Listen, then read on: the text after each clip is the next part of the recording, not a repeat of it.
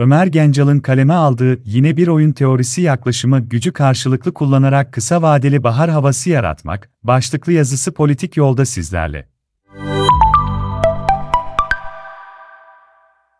Kur korumalı mevduatın kurumlara 2021 son çeyreğinde ve 2022 ilk çeyreğinde elde ettiği kur kazançlarının ve faiz kazançlarının kurumlar vergisinden muafiyetiyle çıkan yeni yasa, gerek bankalara gerekse kurumlara büyük avantajlar sağlıyor. Bu avantajların sağlanması her zaman olduğu gibi vergi ödeyen ve bu haklardan faydalanamayan vatandaşlar vasıtasıyla oluyor.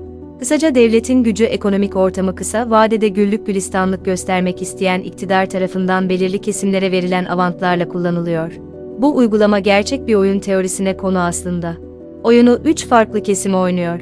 Bu oyun, vatandaşının tamamının refahını sağlaması gereken iktidarın, yani sonsuz oyun zihniyetliyle oynanması gereken devlet gücünü kullananların, maalesef kazananı ve kaybedeni olan iki farklı kesim yaratarak, toplumu daha da yoksullaştırmasına sebep olacak bir noktaya doğru yol alıyor.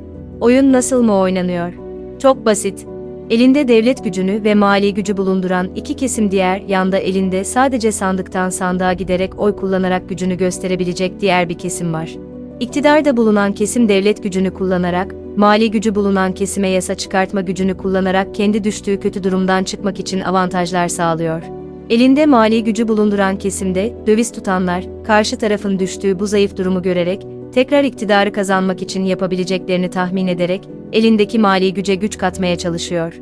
Elinde sadece oy gücünü bulunduranlar ise gündemde Adem ile Havva'yı, Cumhurbaşkanına hakaret suçlaması ile tutuklanan gazetecileri tartışıp sosyal medyadan tepkilerini dile getiriyor ve önlerine gelecek sandığı bekliyorlar. Ama emeklerinden, ceplerinden alınanı görmüyorlar. Bir örnekle açıklayalım durumun ne olduğunu. Bir elinde dövizi olan, 2021 son çeyreğinde TİL'in önemli bir değer kaybı dolayısıyla kur karı elde etmiş olan ve bu kazanç üzerinden kurumlar vergisi ödeyecek olan kurumlar açısından bakalım. 17 Şubat tarihine kadar KKM yaparak 2021 yılı son çeyreğinde herhangi bir kur kazancından doğan kurumlar vergisi ödemeyecek. 2022 yılı ilk çeyreğinde elde ettiği faiz kazançlarından ve kur farkı kazançlarından da kurumlar vergisinden muaf olacak. Bunun karşılığında likiditesini nakit karşılıklı krediyle bankadan karşılayabilecektir. Bankada böyle bir işleme girerek daha az ödeyeceği muzam karşılık, TCMB'nin sağladığı fonlama olanakları, döviz mevduatlara uygulanan bir, 5 komisyon gibi birçok maliyetten de kaçınmış olacaktır. Aşağıdaki tabloda banka ile şirket arasındaki ilişkiyi gösteren kısa bir örnek bulabilirsiniz.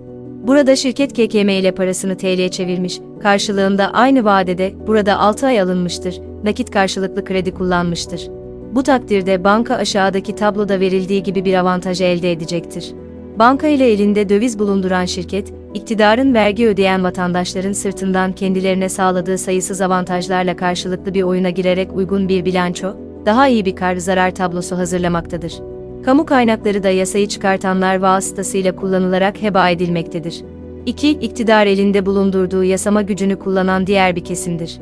Ülkeyi bir faiz inadı uğruna düşürdüğü ekonomik çıkmaza sokan ve bunun karşılığında önemli oy kaybı yaşayan iktidar, bunu tersine çevirmek için kamu kaynakları ile güçlü kesimlere inanılmaz tavizler vermektedir. Tamamen sahte bir bahar havası yaşatacak olan bu uygulamaların yaratacağı kısa vadeli pozitif sonuçlar. Türk lirası fazilerde aşağı yönlü bir hareket. Ekonomide tekrar canlanma. Kurda önümüzdeki kısa dönemde belirli bir baskı. TCMB rezervlerinde artış olarak karşımıza çıkabilir. Ama unutulmaması gereken şudur. Bu döngüyle ortaya çıkacak parasal genişleme, herhangi bir sermaye kontrolü olmaması durumunda uzun vadeli negatif sonuçlar doğuracaktır. Bunlar, dövizin sadece TCMB havuzunda birikmesi dolayısıyla ithalatçının döviz ihtiyacında piyasaya gelmesinde yaşanabilecek oynaklık. TCMB'nin sürekli kura müdahil olması. Kur riski nedeniyle ucu açık bir risk ve buna bağlı kamu bütçesinde potansiyel yük. Gelir dağılımı adaletsizliğinin artışı, kaynakların yoksuldan alınıp varlıklı kişilere transferi. Enflasyon sarmalında bir üst noktaya geçiş ve hiperenflasyon riskinin artık çok yüksek olması. Vergi veren sade vatandaşın elindeki güç ise sandığa gittiğinde sadece bir oydur. Sesini duyurabileceği bir kolektif oluşumda bulunmaması, hukukun üstünlüğünün ortadan kalkması ile bu durumu düzeltebileceği bir mevkinin bulunmaması, sivil toplum kuruluşlarının seslerinin artık iyice cılız çıkması vatandaşın bu girilen oyunda hiçbir güçlü yanını ortaya koyamamasını beraberinde getirmektedir. Sahte gündemlerle de oynanan bu oyun vatandaşa unutturulmaktadır.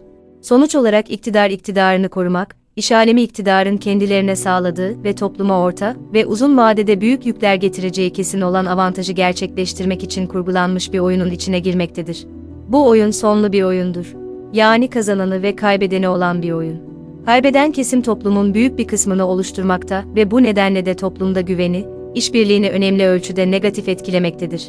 Bu nedenledir ki ülke olarak bizi ön plana çıkartmak yerine hep ben ile hareket etmekte ve kolektif, kapsayıcı ve toplu bir refah artışına gitme konusunda engellerle karşılaşmaktayız. Vatandaş elindeki gücün farkına varmalı ve anayasal haklarını kullanarak sesini daha çok duyurabileceği platformlarda yer almalıdır. Bu da mevcut koşullarda ancak siyasetle ve korkmadan olur. Yapmadığı veya yapamadığı durumlarda ise elindeki gücü daima sonlu oyun zihniyetiyle kazanmak üzerine kurgulayanlara bilmeden de olsa devreder ve maalesef geleceği çalınmaya devam eder.